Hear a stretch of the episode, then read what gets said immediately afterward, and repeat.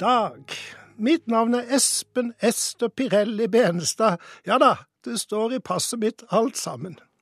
Og jeg er ektefelle, lege, far, besteforelder, professor i sexologi, transbegavet, familieterapeut og sikkert enda litt til. For meg betyr det å være trans at jeg verken har ambisjon om å være kvinne eller mann. Trans er det eneste levelige valget. Og skulle noen av dere der ute undre på hvem av meg som snakker, kan jeg bare si det som det er, Espen Ester. Transpersonen med sommerkjole på. De som vil, kan vel se det for seg. Og så har jeg altså fornøyelsen av å ønske dere alle velkommen til Sommer i P2. Du verden, her sitter jeg og er programleder. Det er så mye jeg har lyst til å si, så mye jeg har lyst til å fortelle, så mye jeg ville synes det var fint at flere forsto.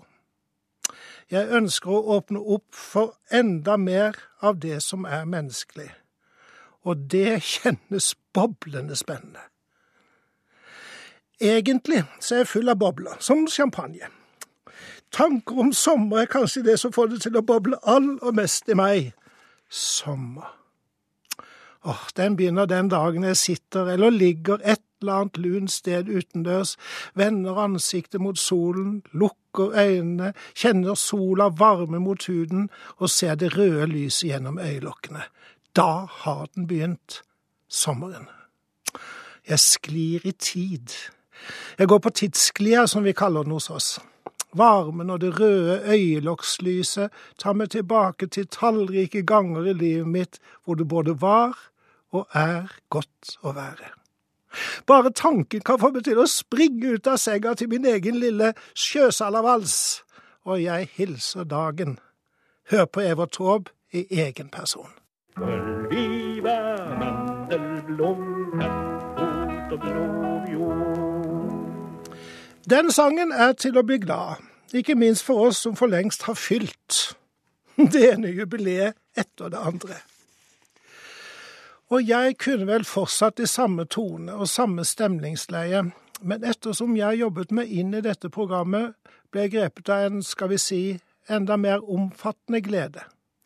Gleden over naturen, skaperverket. I begynnelsen var ingen av oss til stede. Ingen av oss hørte det store smellet, selv om det ennå skal gi gjenlyd i universet. Et formidabelt drønn må det ha vært. Det siste jeg hørte fra vitenskapelig hold, er at universet skal rotere rundt ett punkt. Jeg har sett det fremstilt som en slags gigantisk smultring, og kanskje vår smultring ikke engang er den første. Kanskje befinner vi oss i endte univers. Kanskje pulserer universene ut og inn i en skapende uendelighet. Fabelaktig. Ringen er et evighetssymbol Kanskje er det virkelig slik at skapelsen varer evig.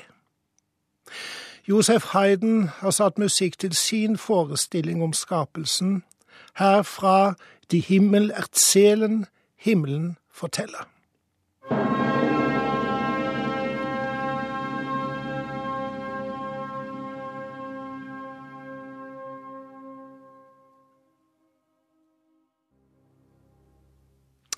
Josefs skapelse, de Schöpfung, varte ikke evig, men den har sannelig satt varige spor. Jeg har alltid hatt et nært forhold til skaperverket. Hvem har nå ikke det når vi tenker over det? Vi er som enn en del av det alle sammen, hva enten det måtte være guddommelig skapt eller tilkommet på annen måte. Vi er en del av det, med kjøtt, blod, hjerter og lunger.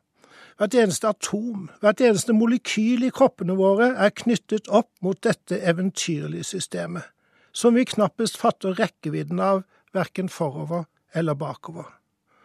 Og vi må bare ikke tro at vi er alene, verken i de små eller i de store sammenhengene. Det er alltid noen andre og noe annet der Jobben er å finne en plass, finne sin funksjon, slik at vi i økologisk fordragelighet kan svinge med i det store kretsløpet. Vi er små systemer av systemer i samspill, som er i samspill med stadig større systemer i samspill. Det er komplekst, spennende og vakkert. Inni meg skapes det bilder av noe av den kompleksiteten når jeg lytter til Johan Sebastian Bachs Goldberg-variasjoner.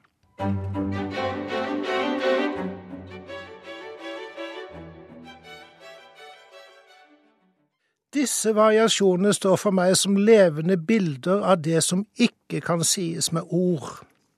Skal ordene virkelig strekke til, må det ha i seg både det konkrete og det billedlige, det metaforiske. Vi trenger både den umiddelbare betydningen og de bildene ordene skaper i oss. Om naturen liker jeg å si i skaperverkets endeløse kompleksitet er det uvanlige like selvfølgelig som det vanlige. Selvfølgelig. Forunderlig nok har det ikke gått opp for alle. Ennå finnes det de som finner enkelte menneskelige talent unaturlige, som var de syntetiske. Dere har vel hørt uttrykk som at homofile, lesbiske og for den saks skyld transpersoner representerer noe som er unaturlig. Noen av dem som sier slike ting, refererer til skaperverket. Jeg kan ikke få meg til å tro at de har satt seg særlig godt inn i det. Og da burde de kanskje, i all anstendighetsnavn, la være å late som om de hadde stor innsikt i det hele. For meg er det å sortere skaperverket i unaturlige og naturlige fenomen, for på den måten å ta vare på sitt eget verdensbilde, den mest grunnleggende form for blasfemi. Selv kjenner jeg bare brøkdeler av skaperverkets kompleksitet, og for hver nye lille brøkdel jeg legger til den innsikten, dess mer begeistret blir jeg. Jeg har stor tro på den delen av naturen som kalles menneskekroppen på dens evne til å mestre, til å selvhelbrede, til å justere seg etter forholdene, til å være uavhengig av alt dette markedskreftene forsøker å overbevise oss om at vi må ha for å leve godt og lenge. Hm. Det er for så vidt ok å selge sunnhet, men ikke ok å late som ikke kroppene våre kan klare seg uten all verdens tilskudd og remedier i mine mange og 40 yrkesaktive år, først som hjelpesøster på Lovisenberg sykehus, deretter som medisinstuderende i Oslo, og så som praktiserende lege og sexolog, har jeg forholdt meg til menneskekropper, både på disse kroppenes innsider og utsider, for å si det på den måten. Det har vært, er og skal bli en spennende reise i tenkelige og utenkelige menneskelige landskap. Jeg har sett det endeløse kaoset i sandtilsølte skrubbsår etter fall fra sykkel på grusvei. Og jeg har sett hvordan dette kaoset over tid organiserer seg, gror og leges uten spor av det kaoset som var. Samtidig vet jeg at ingen kan forstå hvordan kroppen kan forstå, hva som skal fylles ut, hva som skal gro sammen med hva, og ikke minst hvordan forstår kroppen at jobben er gjort? Ett er i alle fall sikkert. Den dveler, den bruker tid, det finnes ingen quick fix. Legende hender og andre virkemidler kan bare bidra til at prosessen ikke forstyrres. Dessverre er vi mennesker blitt tiltagende forstyrrende i vår hodeløse jakt etter jordisk rikdom. En jakt som tyner stadig mer ut av jaktmarkene. Vår egen bolig i universet, jorden. Jeg tror vi kunne ha det fint, jeg. Finne mer ro, muligens. Om vi lyttet oftere til det vi mennesker selv har brakt inn i verden. Vi, sjettedagsproduktet, har kanskje med oss en slags indre bilde av kompleksiteten og uendeligheten slik vi for eksempel hører det gjennom Johan Sebastian Bach. Og her kommer preludium i C-dur. Det er som en reise på sommerblankt hav.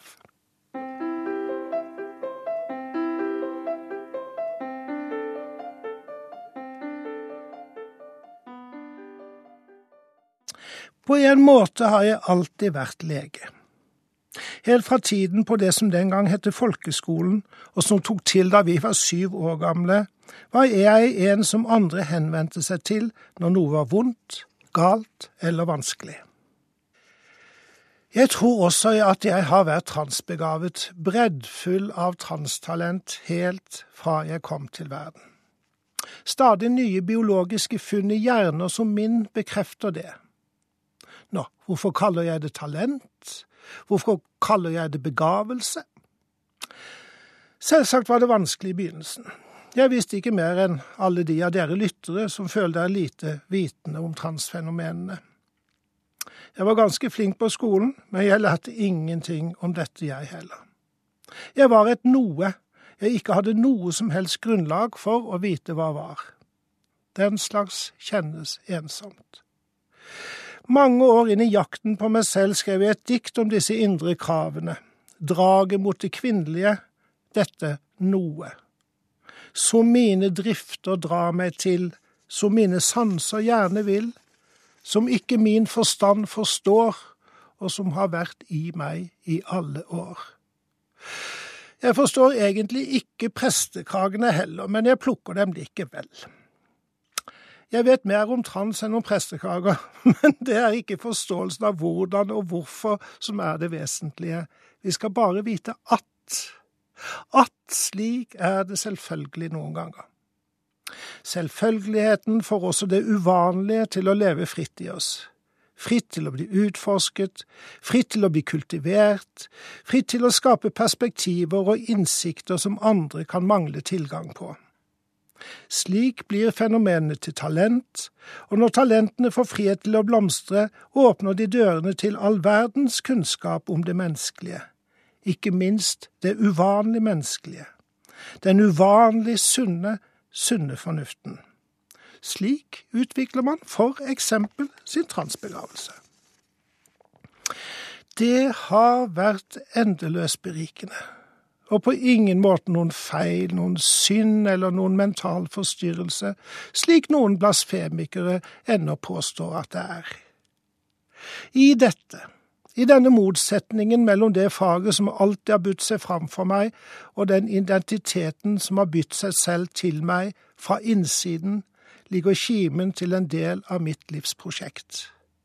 Jeg har villet og vil stadig friskmelde de uvanlige. Noen har kanskje tenkt at det gjør jeg bare for å forsvare meg selv, og til det har jeg å si jaså, absolutt. Vi, de uvanlige, trenger mange vettug forsvar for å rette opp i all vettløsheten som gjennom tidene har forgrepet seg på oss. Det var en tid i livet da jeg tenkte det måtte være fint å være jagerflyver. Det hadde vel gått bra, det også, men likevel. Jeg er glad jeg spurte min far om hva som skal til for å bli en god lege. Min far var lege, allmennpraktiserende og breddfull av legekunstens grunnleggende talent, evnen til å mobilisere de helbredende kreftene i oss. Pasientene, sa min far, ja, vi følte oss så dårlig når vi gikk inn til han, og så bra når vi gikk derfra, men vi vet ikke helt hva han gjorde. På mitt spørsmål svarte han, det er bare én ting du trenger for å være en god lege. Så kan jeg lure på hva dette ene kunne være, og min far fortsatte, du må være glad i mennesker. Nå, etter alle disse årene med mennesker og menneskekropper, tror jeg han hadde mer rett enn jeg som 18-åring hadde mulighet for å fatte. Desto mer forferdelig at de som holder tilsyn med legers arbeid, ikke engang har medisinsk utdanning. Verre enda er det at alle kontrollsystemene har skapt en fryktkultur som gjør at f.eks. leger tenker mer på hva helsebyråkratiet måtte mene, enn hva som kunne være det beste for pasientene. Min far ga legekunsten til meg.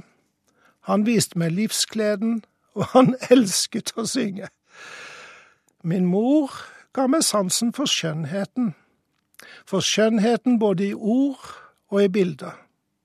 Jeg skrev dette om henne da hun døde. Her er de siste versene. Vi eier en kraft i sinnet, der mamma har satt sine spor. Vi sanser, vi dikter der inne i farger, streker og ord. Det ligger en skjønnhet i alle som tar skaperevnen om bord. Den taper som lar det forfalle, slik lærte min kloke mor. Min mors dikt ble rimet og tegnet, hun hentet frem altet i alt. Hun viste fram solen i regnet, hun varmet opp det som var kaldt. Det danser en penn omkring oss, den stanser og henter litt luft. Bli, penn, bli her og bring oss den evige kunstners fornuft. Mine foreldre deler grav på Grimstad kirkegård. Jeg søkte på sørgemusikk og fant dette. Det er fint å minnes.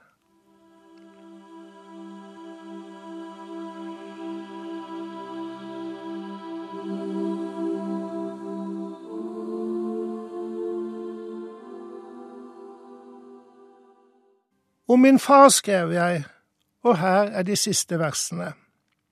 Min fars dikt var fylt av toner, som jublet mot fjell og mot hav. Han var av de sjeldne personer med glede å øse av. Det brente et lys i hans indre, som er av en evig verdi, selv om ingenting kunne forhindre at selve hans liv er forbi. Min fars dikt var ekte og ærlig, han elsket det summende liv. Han møtte alt levende kjærlig og bidro med livskraft og driv.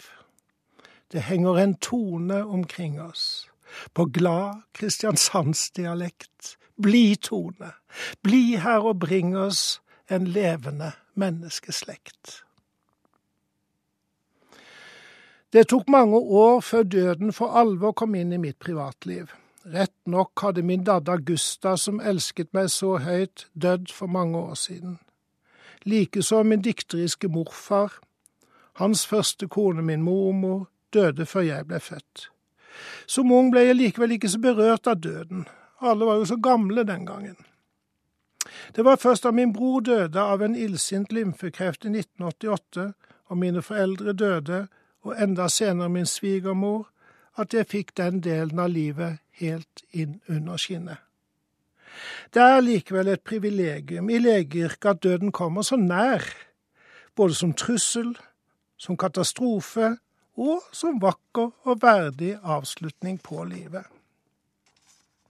Hva slags kretsløp skaperverkets kompleksitet har å by på når vi har forlatt denne verden, har jeg selvfølgelig tanker om men de får nå hvile til en annen anledning.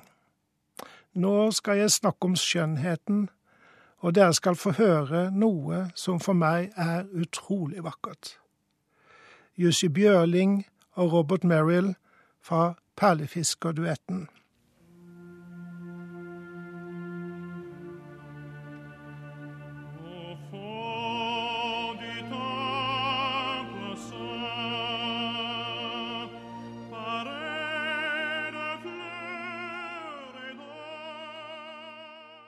Ja, det var fra perlefiskerne Sjås Bissé, om noen skulle undres på det. Og det var Jussi Bjørlin og Robert Merrill som sang sammen i den duetten så flott. Jeg vet ikke annet å si enn at jeg ville dele dette endeløst nydelige med dere. Perler er vakre, havet er vakkert, og jeg har i mange år hatt lyst til å skrive et dikt om havet, som er en venn med mange hender. Kanskje diktet blir akkurat så kort som det. Havet er en venn med mange hender. Hender som møtte meg så tidlig i livet at jeg ikke kan huske når, jeg husker bare somrene. De var varme og fulle av sørland, bading og etter hvert padling og seiling. Og jeg har seilt på brett i A-jolle, i Oslo-jolle, IOD, H-båt, liten havseiler, 10 meter R, 12 meter R, 36 fot katamaran Mahé, 44 fot enskrogs, og nå også den 40 fot lange katamaranen Nautitech 40 Open. Jeg har stupt, svømt, dykket, stått på vannski, i vennlig lekende og respektfull sameksistens med denne min store, vakre og mektige venn med så mange hender. Hender som hamret løs på det gamle troppetransportskipet Seven Seas, som i 1966 tok meg og 900 andre til USA. Vi møtte orkanen Faith, hadde 90 sjøsyke passasjerer og følgeskip i tre dager, for å nevne noe. Det ga meg god anledning til å utvikle meg som kortkunstner sammen med Ingvar Wilhelmsen, han som er norgesmester i hypokondri fra behandlersiden, og det lærte meg noe om styrken til min venn havet i samspill med en annen venn, vinden. For noen år siden skrev jeg en ode til vinden, som inneholder både det myke, det varme og det voldsomme. Jeg leser fra det som omhandler det siste. For når du stormer gode vind, da former du av fjorden min et veldig opprørt kok av vann. Jeg var mest heldig trygt i land. Da danset vinden i mitt hår, og stanset der hvor øret står, og sa som så, litt lun og lur, at ingen kan forstå natur, som ikke stilt, i le, på land, kan innse det at vår forstand må bøye seg for vindens krav og føye seg for storm og hav. Jeg tenker det ligger en egen musikk i naturen den musikken har vi sluttet å kunne danse til. Ja, vi skriver dikt i min familie. Min morfar gjorde det, min mormor likeså, og som jeg allerede har nevnt, min mor. Å skrive dikt er bare en måte å tenke på.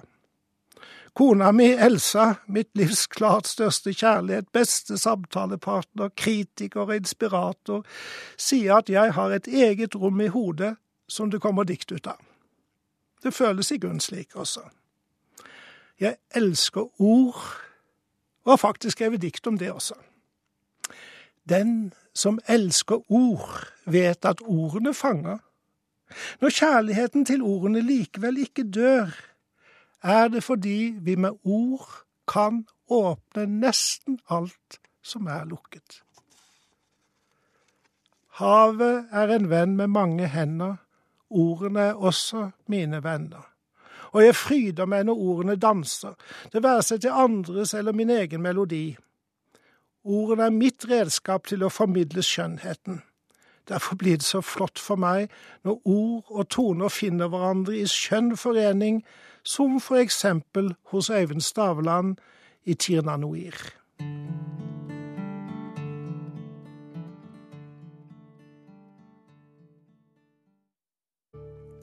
Og så kan jeg altså ikke motstå å ta med litt fra en av våre virkelig store ordkunstnere, André Bjerke.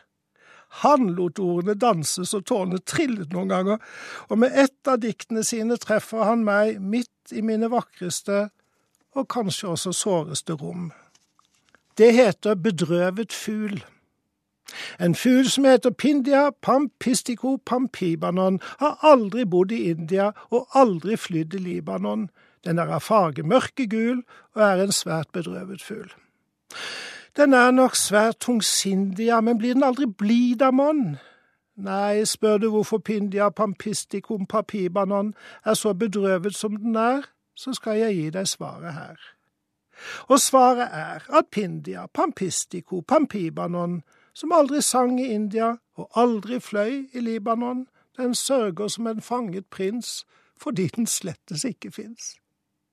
Men hvorfor nettopp Libanon, og hvorfor nettopp India? Det kan vi ikke si da, mon, at vi har laget Pindia pampistico pampibanon, så får den sove godt i kveld, fordi den fins allikevel. Naturen er kompleks, kulturen er primitiv. Ennå er vi langt fra der hvor all naturens kompleksitet rommes og omfavnes av kulturene. Jeg synes jeg må nevne dem i flertall, ettersom det som kan omfavnes av den ene kulturen, kan henrettes av den andre. Vi er så rike på muligheter, så fulle av talent, og så sørgelig tilkortkomne når det gjelder å gi alle disse talentene anerkjennelse. Vi gjør folk syke fordi de er fulle av energi som de ikke helt vet hva de skal bruke til. I en tid hvor idealet er å kunne sitte stille og ta imot. Vi gjør folk syke fordi de har særinteresser som opptar det meste av deres energi, i en tid da alle helst skulle kunne snakke med alle om både løse og faste ting. Vi gjør folk syke fordi de finner erotikk og lykke i ballonger, i å bli bastet og bundet, i lærbelter, høye lakkstøvletter og tannreguleringer. Vi gjør folk syke fordi hodet deres ikke passer helt med det de har mellom bena. Og jeg minner om at i naturens endeløse kompleksitet er det uvanlige akkurat like selvfølgelig som det vanlige. Det uvanlige skal derfor ikke tolereres. Ja, det hørte hva jeg sa, og hadde jeg kunnet lese manuskriptet mitt, ville dere sett at jeg staver toleranse feil, men egentlig rett. Jeg skriver det med å, fordi her dreier det seg om å tåle. Hva er for eksempel din toleranse for alkohol, for kulde, for belastning?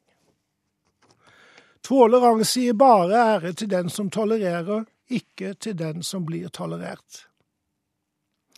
Vi trenger å se den andres, vår nestes egenskaper som talent, som noe nettopp de fikk med seg til jorden, i stort og smått, til alles glede og nytte. Det er da talentene utvikler seg til begavelser. Vi skal ikke vinne olympisk gull alle sammen. Det er det bare én type talent som egner seg til. Alle skal ikke bli store kunstnere eller nobelprisvinnere heller, og Gud forby at noen blir så rike at det blir for lite igjen til andre. Vi skal bare på hvert våre vis komme i pakt med oss selv og finne ut hvordan vi skal leve den pakten ut uten å tråkke på andre. Uten å overse andres behov. Uten å skade den tross alt ganske sårbare kloden vi lever på. Vi må lete frem vår indre fabel, og her kommer et av mine dikt igjen. Det finnes en fabel i livet, omtrent som en melodi. Du kan se den som følgeskrive om den som du er og skal bli. For det finnes en fabel i livet, skrevet med din bokstav. En fabel med det motivet hvis ord er som indre krav. Det er en fabel om nåtid, om urtid og framtidsvisjon. Det er en fabel om såtid, om å finne sin livsmisjon. For om fabelen fanges i sinnet og ikke får livsrom og sikt, ja, da skapes en lengsel der inne omtrent som et uskrevet dikt. For et par år siden spurte en reinkarnasjonstroende hindu meg om hvorfor jeg hadde valgt å komme til jorden, og jeg hørte meg selv svare, jeg er her for å hjelpe mennesker til å se sin indre skjønnhet. Ja, det er en misjon. Nå sier jeg adjø med hovedtema fra filmen av samme navn, The Mission. Her dirigeres orkesteret av komponisten selv, Ennio Morricone. God sommer, alle sammen!